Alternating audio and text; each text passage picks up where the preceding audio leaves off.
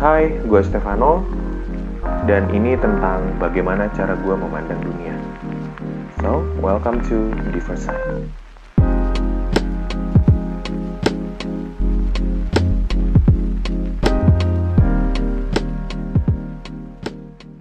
Hai halo semuanya, uh, kembali lagi bersama gue Stefano di Diversite Dan uh, hari ini gue mau nyapa dulu teman-teman yang lagi dengerin Untuk episode kali ini. Uh, Teman-teman yang lagi stay at home tetap bertahan. Ini udah masuk di bulan Juni ya Dan ini ada di minggu akhir. Jadi mungkin sudah sekitar 4 ya? Eh Iya udah empat ya dari Maret, April, Mei, Juni. Kita udah empat bulan bertahan berjuang dengan hanya tetap di rumah, work from home atau stay at home juga. Dan uh, kita belum tahu, memang sih sudah mulai new normal, apalagi di Bandung juga. Uh, karena gue domisilinya di Bandung, memang sudah mulai new normal juga, tapi gak berarti saat masuk new normal kita langsung bersenang-senang dengan tidak memperhatikan protokol kesehatan. Jadi uh, tetap jaga kesehatan, jaga social distancing, jaga kebersihan ke mana pun kalian pergi. Uh, terus untuk yang tetap bekerja, jadi kalian harus menghadapi resiko yang lebih besar lagi. Jadi uh, harus lebih ketat untuk jaga kebersihannya, jaga social distancingnya karena kita juga gak akan tahu sampai kapan pandemi ini bisa jadi sampai akhir tahun maybe nah uh, yang mau gue bahas hari ini adalah tentang suatu hal yang memang udah gue dalamin sebelum buat podcast. Uh, dan jadi hobi gue juga yaitu uh, film. Nonton film dan itu sudah menjadi hobi atau passion gue sebenarnya. Sebelum sekarang gue bermain di area podcast. Uh, sebenarnya sebelumnya juga gue jadi reviewers film juga nggak profesional profesional banget gitu karena uh, memulai review film juga baru jadi gue baru mulai dari blog kemudian ke Instagram TV tapi kalau untuk hobi nonton filmnya memang gue udah udah lama banget karena gue sangat mencintai film. Tapi yang gue mau fokusin di hari ini pembahasannya adalah tentang kenapa harus bioskop. Kalau uh, teman-teman yang dengerin hari ini beberapa ada yang follow Instagram gue, uh, gue udah beberapa kali posting isu ini di story Instagram. Karena ada orang berpendapat nonton di bioskop itu terlalu boros dan lebih baik uh, mengunduh atau mencarinya di sumur-sumur terdekat. Atau istilahnya download bajakan aja lah gitu. Nah uh, di sini gue cuma mau berbagi persepsi, tapi kembali lagi ke teman-teman. Kalau memang teman-teman uh, eh udahlah download bajakan aja ya, gue nggak bisa kelarang tapi di episode kali ini gue cuma lebih memberikan persepsi supaya teman-teman tahu gitu. Uh, kenapa sih kita harus nonton di bioskop atau nontonlah yang ada di website-website yang legal gitu. Yang pertama, uh, gue mau bahas dulu soal bioskopnya dulu ya sebelum nanti kita, uh, gue juga akan ngasih cara uh, gimana supaya bisa tetap hemat atau tip uh, tips-tips untuk mencari uh, alternatif selain bioskop gimana sih supaya kita bisa tetap nonton tapi legal gitu. Nah kalau dari persepsi gue kenapa gue nonton di bioskop yang pertama buat gue pribadi experience-nya itu lebih enak karena uh, layarnya gede yang pertama. Karena film saat lu nonton di layar yang gak gede itu sensasinya beda gitu. Tapi sebenarnya kembali lagi ke persepsi ke teman-teman masing-masing. Apakah teman-teman memang uh, nonton film itu hanya untuk uh, hiburan. Atau memang kalau kayak gue dan mungkin teman-teman lebih senior teman-teman kritikus film yang lebih senior atau pengamat film nonton film itu udah termasuk hobi atau passion mereka mungkin gitu jadi ada kepuasan tersendiri yang dirasakan saat nonton di layar lebar. Itu yang pertama. Yang kedua untuk sound di bioskop kan memang sudah diatur sedemikian rupa supaya uh, yang kita dengar sound yang kita dengar suara yang kita dengar entah itu efek-efek di filmnya atau scoringnya musik-musiknya itu memang uh, menambah uh, emosi atau ambience kita saat nonton gitu. Dan itu bisa kita dapatkan di bioskop aja nggak di tempat yang lain gitu. nah uh, yang ketiga kenapa gue lebih milih untuk sebisa mungkin nonton di bioskop? Karena worth it menurut gue kalau jadi kalau ada teman-teman yang ngerasa kok nonton di bioskop kok uh, mahal mahal gitu. Menurut kalian tuh mahal dan gue nanti akan bahas itu. Tapi yang uh, yang pastinya dua hal yang gue jelasin ini itu nggak akan kalian dapat di tempat lain selain bioskop. Experience untuk menonton film di bioskop dua hal itu adalah komponen utamanya gitu. Kemudian kalau uh, gue mulai nonton di bioskop itu sejak uh, eh, SMA kalau nggak salah. Dan itu pun karena gue tinggal di kota yang uh, memang tidak ada bioskop. Jadi kalau pengen banget nonton gue harus uh, pergi ke ibu kota. Jadi gue aslinya tinggal di Bontang. Itu ada di Kalimantan Timur. Kalau teman-teman bertanya-tanya Bontang itu di mana gitu Bontang itu di Kalimantan Timur. Tapi kalau gue harus menonton bioskop mau nggak mau gue harus ke ibu kota ke Samarinda waktu itu. Dan gue baru bener-bener menikmati uh, untuk nonton bioskop itu saat kuliah di Samarinda waktu itu. Tapi dari SMA gue memang uh, saat ada waktu itu masih film-film tertentu karena kan gue harus ke ibu kota. Dan emang dulu gue akuin gue masih uh, sering mencari atau menggali film di sumur-sumur terdekat yang ilegal gitu. Jadi tinggal download simpen di laptop simpen di flash disk gitu. Jadi bisa ditonton ulang tapi kalau untuk film gue emang udah hobi film nonton film itu dari kecil. Karena uh, influence utamanya dari om gitu. Dari om karena memang doi memang suka nonton film. Dan gue inget banget film yang pertama gue tonton waktu kecil itu TK gitu. Gue nonton Jurassic Park. Dan itu saat itu film itu emang booming banget. Karena di tahun itu ada film yang menggunakan special effect yang sebegitu kerennya gitu nah dari situ gue akhirnya mencintai film dan akhirnya gue besar dengan film gitu banyak film-film yang gue tonton dari kecil uh, yang menjadikan gue seperti sekarang sangat mencintai film. Nah waktu itu memang gue belum bisa, belum begitu menghargai film banget. Jadi gue masih ya bisalah menggali di sumur atau download gitu. Tapi makin ke sini gue makin belajar banyak. Gue belajar gak cuma untuk nonton, tapi belajar memahami apa yang terjadi di balik film itu sendiri, pembuatannya, produksinya. Nah dari situ gue baru bisa oh oke okay, ternyata film itu membuat film itu nggak gampang dan butuh biaya yang gede banget.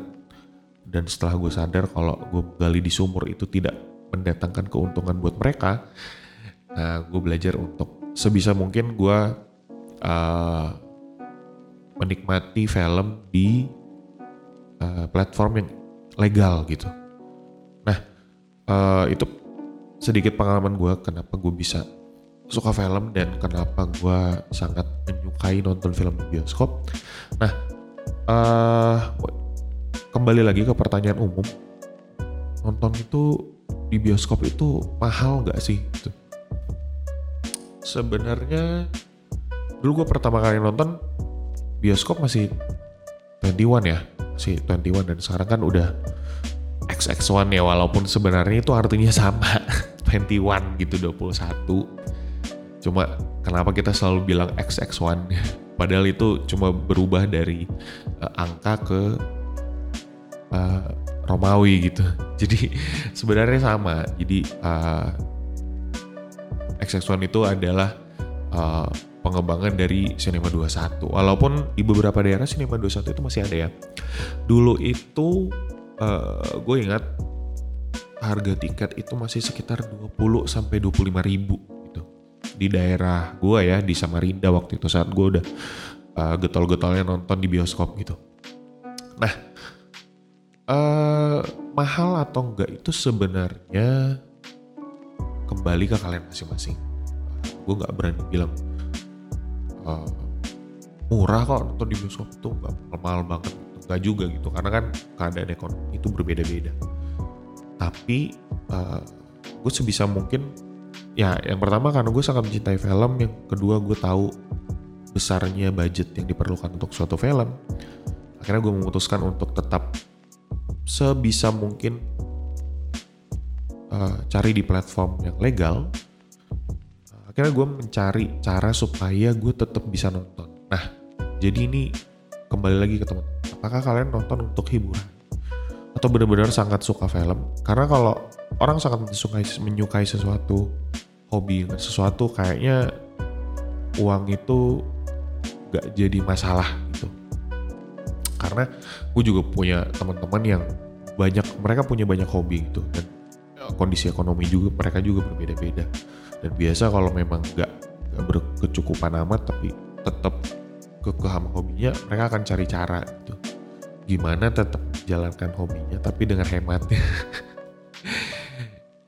Ya hobi kan macam-macam ya. Nah hobi gue termasuk ya nonton film di bioskop ini gitu. Jadi kalau gue cara ngakalinnya yang pertama uh, gue selalu ngelis film-film yang akan rilis dalam satu tahun jadi misalnya udah Desember nih uh, gue akan cek di uh, sumber-sumber di internet film-film apa yang akan rilis di tahun depan. Jadi misalnya 2020 nih, nanti Desember 2020 uh, gue akan mulai ngelis 2021 itu film apa aja yang rilis karena untuk mencari info itu udah gampang, gampang banget.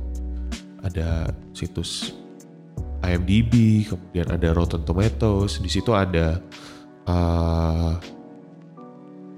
bagian di website itu namanya coming soon biasanya. Di situ akan ada uh, perilisan film-film di tahun depan plus tanggal-tanggalnya. Nah, kalau untuk perhitungan tanggalnya biasanya tanggal yang rilis di luar negeri sama di Asia, khususnya Indonesia itu nggak berbeda-berbeda jauh dan ada beberapa film yang memang production house-nya uh, mendistribusikannya lebih cepat karena kan pasar Asia itu gede banget. Jadi keuntungan film itu rata-rata pasar Asia itu sangat gede. Jadi kadang rilis lebih dulu misalnya di daerah siap dan Indonesia termasuk yang hoki kadang bukan kadang sering dapat tanggal rilis yang lebih dulu dan biasanya itu cuma berbeda sekitar dua atau tiga hari dari perilisan yang ada di Amerika sendiri. Jadi worldwide itu berbeda-beda tanggal perilisannya tapi gak jauh-jauh banget gitu.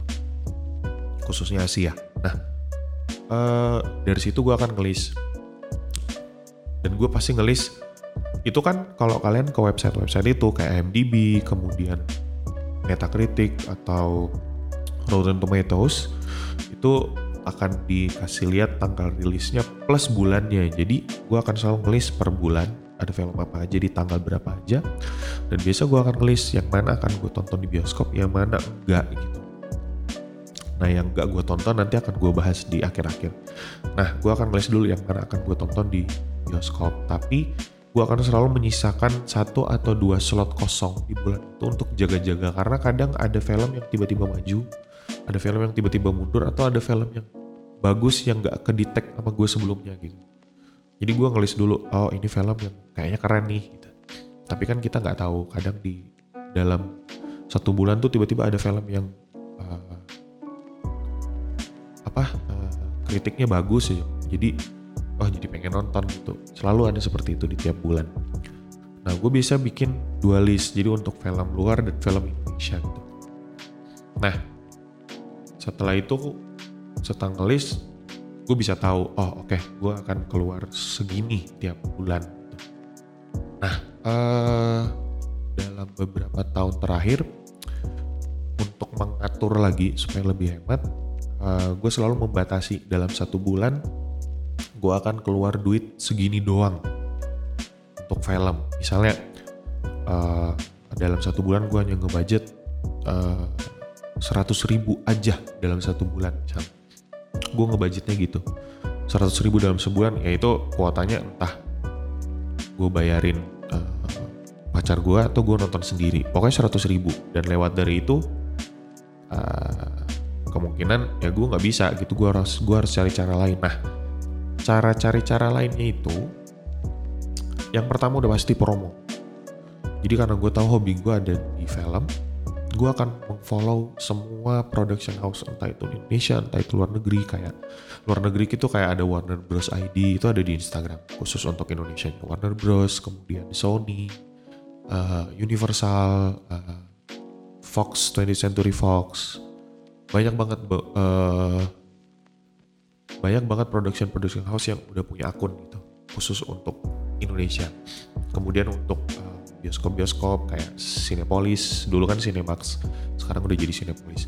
Kemudian ada uh, uh, XX1 kemudian ada CGV uh, itu pasti mereka ada akun-akun Instagramnya. Dan gue juga uh, download uh, aplikasi-aplikasi yang sedianya juga ada connect dengan bioskop kayak GoPay, eh GoPay, Gojek gitu. Kemudian uh, ada MTX, kemudian ada aplikasi-aplikasi kayak My My Book Show ID seperti itu. Nah biasanya mereka akan kasih promo-promo tuh, promo-promo yang akan uh, ditampilin di film-film tertentu. Ada film-film tertentu yang mungkin mereka kira kan ini ya bakal booming banget nih, bakal banyak penontonnya. Jadi mereka akan kasih promo-promo dan promonya itu lumayan. Jadi di luar 100 ribu itu gue bisa pergunakan promo ini karena promonya kadang uh, gratis beli ini gratis ini beli satu gratis satu atau beli lima gratis satu gitu atau potongan harga. Jadi kadang diskon itu justru uh, meminimalisir pemakaian saldo yang udah gue tentuin dalam satu bulan itu. Jadi misalnya biasa nonton let's say 30 ribu lah itu udah potongan paling murah di Bandung sekarang ya. Akhirnya kan ada promo tuh bisa jadi cuma 15 ribu. Jadi gue punya slot wah bisa nih yang sisanya dipakai untuk untuk, untuk film yang lain. Nah seperti itu cara ngakalinnya. Kemudian mereka juga pasti akan ngadain giveaway lomba-lomba karena gue tahu kondisi uh, keuangan gue nggak yang sejahtera amat nggak yang banyak-banyak duit banget gitu jadi apa pun akan gue lakukan agar hobi gue bisa jalan gitu. Jadi ya itu maksudnya. Jadi gue nggak memikirkan aduh mahal banget nonton. Tapi karena gue tahu gue hobi nonton gue mencari banyak cara supaya bisa tetap bisa nonton tapi hemat gitu. Jadi uh, itu juga gue bisa mengatur uh, pengeluaran gue untuk hobi gue ini. Jadi nggak boros-boros amat gitu. makanya kalau teman-teman mungkin ada yang follow Instagram gue uh, zaman gue masih nge-review film itu gue bisa nonton dalam satu hari bisa sampai 4 atau lima kali gitu dan itu itu udah gue udah seneng banget gitu itu pun ada beberapa film akhirnya gue tunda atau ya udahlah gue turunin dari list karena uh, budget udah mentok nih. Nah seperti itu, jadi uh, gue tetap hemat dan mungkin untuk teman-teman juga bisa coba seperti itu. Jadi uh, gak ada lagi ketakutan aduh bakal boros nonton di bioskop. Karena untuk harga bioskop sendiri emang beda-beda tergantung gitu. Kalian nonton di bioskop di daerah mana? Karena di Bandung sendiri pun ada banyak uh, bioskop gitu dan pilihan harganya bisa beda-beda. Dari satu kan biasa mereka di mall nih. Dari satu mall ke mall lain itu kadang harganya berbeda-beda dan uh,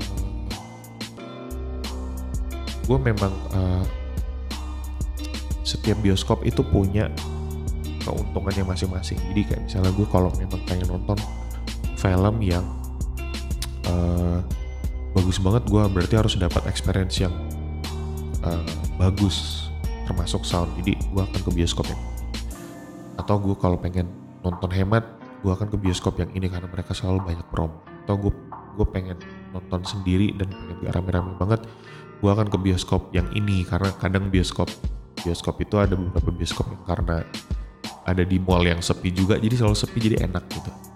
Ya, seperti itu gitu cara-cara uh, cara-cara trik atau trik-trik untuk teman-teman yang mungkin merasa mahal banget kalau untuk nonton ya bisa diakali dengan cara-cara seperti itu. Nah kalau gimana akhirnya kalau ada film-film yang akhirnya gue gak nonton gitu? Itu sebisa mungkin gue akan bersabar sebenarnya. Nunggu uh, untuk tonton di atau muncul di platform-platform yang legal gitu. Kan uh, setelah dari bioskop setelah turun layar mereka akan rilis DVD nah kalau DVD kan ya mungkin sekarang udah nggak terlalu itu ya udah nggak terlalu udah mulai bergeser karena semua udah mulai ke arah digital gitu. Tapi ada beberapa production house yang akan rilis itu selain DVD akan rilis di uh, dalam bentuk digital. Jadi kita bisa download tapi legal dari mereka langsung. Ya walaupun bayar sih. Kalau itu gue masih jadi pilihan yang kesekian karena biasanya lumayan. Karena kan mereka rilis DVD itu sekalian koleksi juga. Atau yang ketiga eh yang ketiga yang kedua itu dari televisi. Kalau kalian yang punya TV kabel itu mereka kan rilis di televisi setelah dari DVD gitu tapi sekarang ada alternatif lain untuk nonton yang legal tuh di platform-platform streaming seperti Netflix, iFlix, Hawk, Go Play, kemudian ada View, oh, ada banyak banget. Dan kalau kalian perhatikan, mereka punya paket-paket yang gak mahal-mahal banget gitu. Kayak Netflix contohnya, uh, paket untuk di HP itu sekitar di bawah 50 ribu. Eh, eh di bawah 100 ribu malah. Dan per bulan gitu. Untuk kondisi teman-teman yang udah bekerja mungkin nggak terlalu ribet-ribet amat ya karena 50 ribu untuk mengakses sesukanya itu udah worth it banget dibanding nonton di bioskop sebenarnya. Jadi kadang gue kalau nggak nonton di bioskop gue akan nonton di platform-platform seperti itu. Kayak di Netflix kan film udah bagus-bagus juga. Kadang ada film-film yang hanya rilis di Netflix. Jadi ya, kalau untuk film yang gak gue nonton di bioskop ya gue gak masalah. Nah, di HP pun gak masalah gitu. Karena kan banyak beraktivitas dengan handphone gitu. Jadi nonton di HP buat gue gak masalah. Terus ada view view juga. Uh, kebanyakan Korea sih tapi uh, gak mahal untuk berlangganannya bahkan di bawah 50 ribu. Di bawah 50 ribu kalau untuk berlangganan per bulan. Kemudian ada Hawk ada Hawk udah tutup ya. Gue baru sadar jadi Hawk itu udah tutup. Mungkin karena persaingannya ketat banget. Jadi gak gak booming juga. Jadi udah tutup per bulan lalu kalau nggak salah kalau Hawk itu. Ada GoPlay GoPlay juga terhitung murah. Kadang mereka beri paket-paket yang murah dan kalau untuk pengguna provider tertentu mereka ngasih diskon juga gitu. Jadi ada banyak cara untuk kalian bisa, uh, bisa nonton tapi legal dan platform-platform ini juga memberikan akses yang lebih murah supaya juga uh, penonton itu atau konsumen itu lebih memilih yang legal daripada harus mencari di sumur-sumur yang tidak legal sumur-sumur yang ilegal. Karena uh, gue kan beberapa bulan ini ikut uh, seperti kuliah online tapi gratis oleh production production house. Dan mereka juga menjelaskan gimana uh, atau berapa besar dana yang mereka butuhkan untuk membuat suatu film.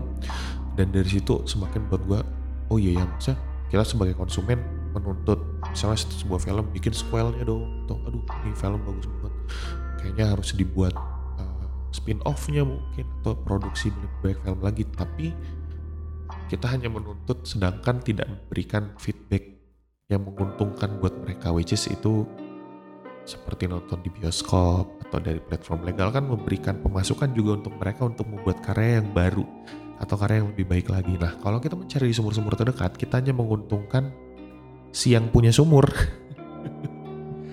Dan mereka itu ngambilnya uh, enak aja gitu, ngebajak gitu. Dan pendapatan mereka ngambil dari uh, ngebajak dengan cara ngebajak dan ngasih ke kita gratis. Tapi sebenarnya mereka dapat untung. Untungnya dari mana? Dari iklan-iklan. Jadi kalau kalian lihat iklan-iklan di website seperti itu kan banyak banget kalian mau pencet tombol download aja keluar iklan dulu sampai dua kali tiga kali baru bisa download dan iklannya banyak banget dan rata-rata nggak beres iklannya karena untuk iklan-iklan aneh-aneh seperti itu nggak bisa masuk di website-website umum gitu. Jadi mereka taruh di situ dan keuntungan mereka dari situ. Baru kita buka aja gitu udah memberikan keuntungan mereka banyak banget. Belum untuk iklan yang nggak sengaja kepencet karena kita mau download gitu. Jadi kita cuma menguntungkan yang punya sumur nggak menguntungkan yang menghasilkan atau membuat film gitu. jadi kalau kalian masih sangat bergantung sama uh, produsen-produsen ilegal di sumur-sumur ini ya kalian jangan menuntut untuk mendapatkan film yang bagus gitu. Karena kalian nggak memberikan feedback ke para pembuat atau seniman-seniman di balik pembuatan film ini gitu. Karena kalau kalian kalian bisa carilah di internet berapa sih produksi satu film tuh bisa banyak banget gitu. Sedangkan kan kalau untuk dari bioskop pun uh, harus bagi hasil dong bagi hasil. Jadi kalau ada yang belum tahu di bioskop itu tetap ada pembagian hasil dari tiket yang dijual gitu. Dan uh, pembagian hasilnya itu ya gue nggak tahu yang antara setiap production house dengan bioskop itu bagi hasilnya berapa gitu. Dan gitu pun bioskop juga masih lebih mendapatkan keuntungan itu dari penjualan food and beverage-nya sama iklan-iklan yang masuk di mereka. Jadi seperti itu. Uh, itu juga jadi alasan kenapa gue masih tetap uh, mengupayakan untuk tetap menikmati film di platform-platform yang umum, yang legal, supaya memberikan pemasukan buat mereka produksi film lebih baik lagi, lebih bagus lagi, kayak gitu. Dan uh, kalau mungkin teman-teman masih aduh duit nggak banyak-banyak banget nih tapi masih pengen nonton uh, kalau kalian cari di internet masih banyak uh, situs-situs streaming yang emang legal dan banyak yang gratis sih. Jadi nggak nggak nggak apa ya uh, merugikan banget gitu. Ada banyak kalau kalian coba cari di internet kan sekarang akses internet gampang ya. Ada banyak banget ada Kanopi ada Plex kemudian ada Hoopla. Itu tuh situs-situs resmi yang film-filmnya legal. Memang nggak seupdate uh, yang bajakan atau yang sumur-sumur gitu. Tapi at least uh, uh, merugikan production house atau produsen yang memproduksi filmnya sendiri gitu. Itu aja paling uh, dari gua untuk episode kali ini. Karena memang pembahasan tentang bioskop ini kan jadi uh, udah pengen gue bahas dari yang lalu-lalu itu cuma baru terrealisasi sekarang. Jadi intinya kembali lagi ke kalian. Kalau uh, kalian masih nyaman untuk mencari di sumur-sumur terdekat ya silahkan gitu. Tapi ya resikonya kalian udah melanggar hak cipta gitu. Hak cipta atau hak uh, kekayaan intelektual seseorang gitu. Lagi untuk produsen film. Dan gue sangat menyarankan untuk pilihlah platform-platform yang legal atau di bioskop. Ya gimana caranya? Setiap orang pasti punya kalau memang sangat menyukai film mereka akan punya cara-cara untuk bisa menghemat gitu tapi tetap bisa menjalankan hobinya nonton film. Ya, kurang lebih seperti gue gitu. Oke itu aja uh, dari gue untuk episode kali ini. Kita akan ketemu lagi di next episode dengan pembahasan yang lain lagi. Uh, selamat melanjutkan aktivitas kalian untuk seharian ini. Tetap stay safe, tetap jaga kesehatan, jaga social distancing. Dan gue Stefano undur pamit. Dan this is Diverside karena hidup itu unik dan tidak bisa dilihat dari satu sisi saja. Thank you, bye-bye.